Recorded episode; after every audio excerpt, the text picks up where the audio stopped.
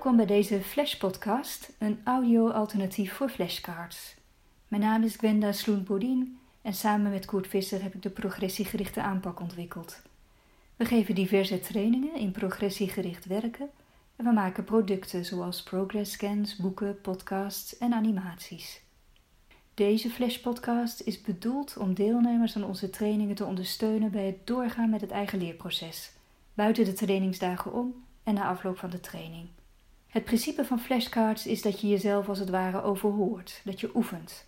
Door op de ene kant van een kaartje een vraag te schrijven en op de andere kant het antwoord op die vraag te schrijven. Om vervolgens geregeld die flashcards door elkaar heen op te pakken en jezelf te toetsen.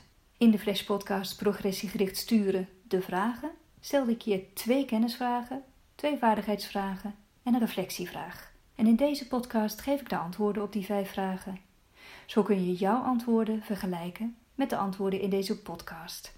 Het blijkt dat deze manier van jezelf overhoren en jezelf toetsen een van de meest effectieve leertechnieken is.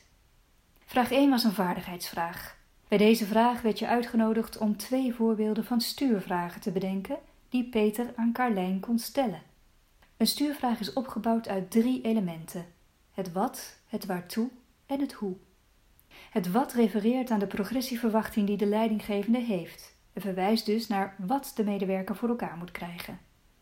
Het waartoe refereert aan wat het oplevert vanuit organisatieperspectief wanneer de medewerker aan die progressieverwachting gaat voldoen. Wat is het voordeel ervan? En het hoe refereert aan de manier waarop de medewerker het doel gaat bereiken.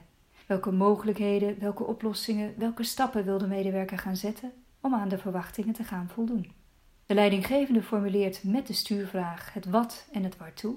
En omdat het een vraag is, kan de medewerker zelf antwoorden bedenken ten aanzien van het hoe. Twee voorbeelden van de stuurvraag die Peter aan Carlijn kan stellen zijn: Carlijn, hoe kun jij ervoor zorgen dat je je gesprekken binnen de tijd die ervoor staat afrondt, zodat alle coaches ongeveer evenveel cliënten begeleiden? En twee, Carlijn, wat zijn je ideeën over hoe je het voor elkaar kunt gaan krijgen om je gesprekken een uur te laten duren, zodat de werklast evenredig verdeeld raakt over alle coaches? Vraag 2 was een kennisvraag. Deze vraag ging over verschillende kwaliteiten motivatie. De begrippen gecontroleerde en autonome motivatie houden het volgende in. Bij gecontroleerde motivatie komt iemand in beweging omdat hij bang is voor de negatieve consequenties wanneer hij niet doet wat hij moet doen. Een kind is bijvoorbeeld bang voor straf als hij niet op tijd op school is. Een medewerker is bang ontslagen te worden als hij niet genoeg omzet genereert. Gecontroleerde motivatie kan ook ontstaan als er een beloning in het vooruitzicht is gesteld. Een kind mag bijvoorbeeld pas tv kijken wanneer zijn huiswerk af is. En om die tv te mogen kijken gaat het kind dan maar zijn huiswerk doen. Of een medewerker is een promotie beloofd als hij een omzettarget haalt. Dus hij werkt hard aan die target zodat hij promotie kan krijgen. Een derde vorm van gecontroleerde motivatie gaat over interne druk. Iemand voelt zich dan pas goed over zichzelf als hij aan bepaalde prestatienormen voldoet. En als hij er niet aan voldoet, voelt hij zich een waardeloos mens. Gecontroleerde motivatie is niet duurzaam. Zodra de beloning, straf of de druk wegvalt, valt het gedrag ook weg. Autonome motivatie is de kwaliteit van motivatie waarbij iemand iets doet omdat hij het belang ervan inziet. Hij het waardevol vindt of het leuk en interessant vindt om te doen. Autonome motivatie bestaat dus uit intrinsieke motivatie en geïnternaliseerde motivatie. En deze kwaliteit van motivatie is duurzaam omdat het uit de persoon zelf komt. De persoon houdt zichzelf in beweging.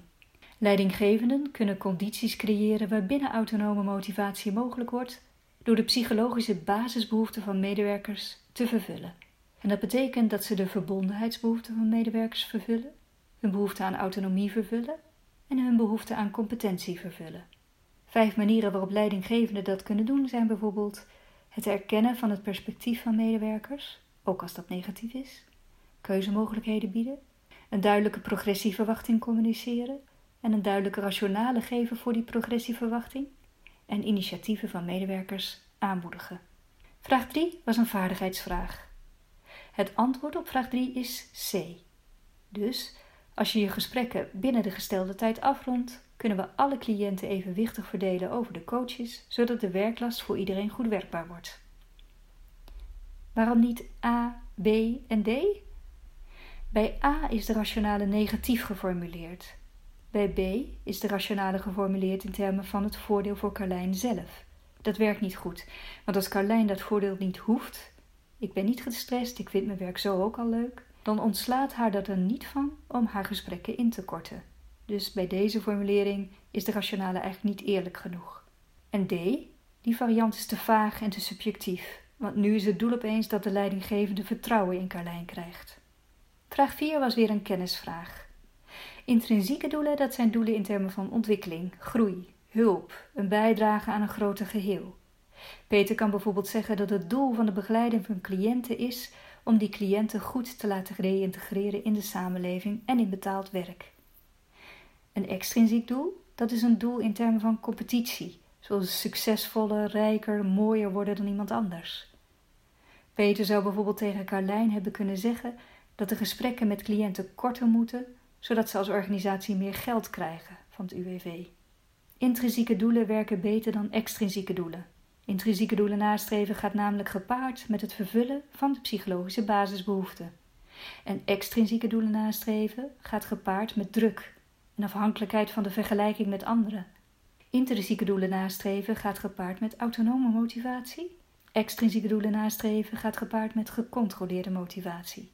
En dit gaat ook op als een medewerker zelf heeft gekozen voor een extrinsiek doel, zoals meer geld willen verdienen dan een collega of sneller promotie krijgen dan een collega.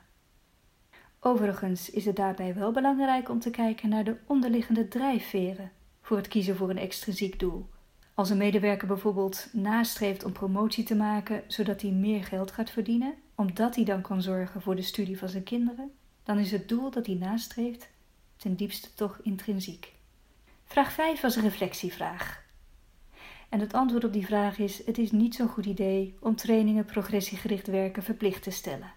Deelnemers die zich verplicht voelen om aan een training deel te nemen, die zijn met inwendig protest aanwezig en blijken veel minder te leren dan deelnemers die een training interessant en waardevol of belangrijk vinden. En die gecontroleerde motivatie staat diepgaand leren in de weg. Niet alleen is de schade financieel, want er worden kosten gemaakt voor een training die niet zoveel oplevert, ook schaadt gecontroleerde motivatie het leerproces en de relatie met degene die de deelnemer heeft gestuurd. En iemand verplichten om een training te volgen is in heel veel gevallen eigenlijk onnodig. Een training is immers slechts een middel tot het bereiken van een bepaald doel. Als het doel is dat iedereen bepaalde kennis of vaardigheden verwerft, dan zijn er vaak heel veel verschillende manieren waarop dat bereikt kan worden. Een training is slechts één manier.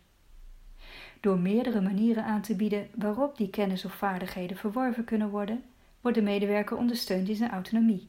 Als hij zelf mag kiezen op welke manier hij aan de slag wil gaan, wordt het mogelijk om autonoom gemotiveerd te raken voor dat wat er geleerd moet worden. Zelfstudie, intervisie, coaching, training, lesbezoeken, meelopen met iemand. Er zijn allerlei manieren te bedenken om het doel te bereiken. In sommige gevallen kan het wel belangrijk zijn dat iedereen een bepaalde training volgt, en hoe je vooraf en tijdens de training dan communiceert over dat belang maakt een groot verschil. Het is veel acceptabeler te horen dat je aanwezigheid belangrijk is, dan dat je hoort dat je verplicht bent om te komen.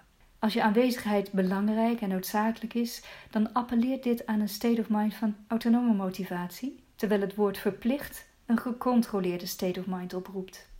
En als het belangrijk is dat iedereen naar een training gaat, dan is ook de rationale goed te geven de goede reden waarom deze training, bij uitzondering, wel voor iedereen noodzakelijk wordt gevonden. En het toelichten van die rationale, voordat de deelnemer naar een trainingssessie komt, stimuleert een autonome state of mind in die persoon. En de gevoelens en gedachten waarmee die dan de trainingssessie binnenkomt, zijn veel belovender dan wanneer die met inwendige boosheid arriveert. Meer lezen over progressiegericht sturen kan in onze boeken, bijvoorbeeld Progressiegesprekken of het handboek Progressiegericht coachen. En meer leren kan in onze trainingen, bijvoorbeeld in de training Progressiegericht leiding geven. Kijk maar op www.cpw.nu.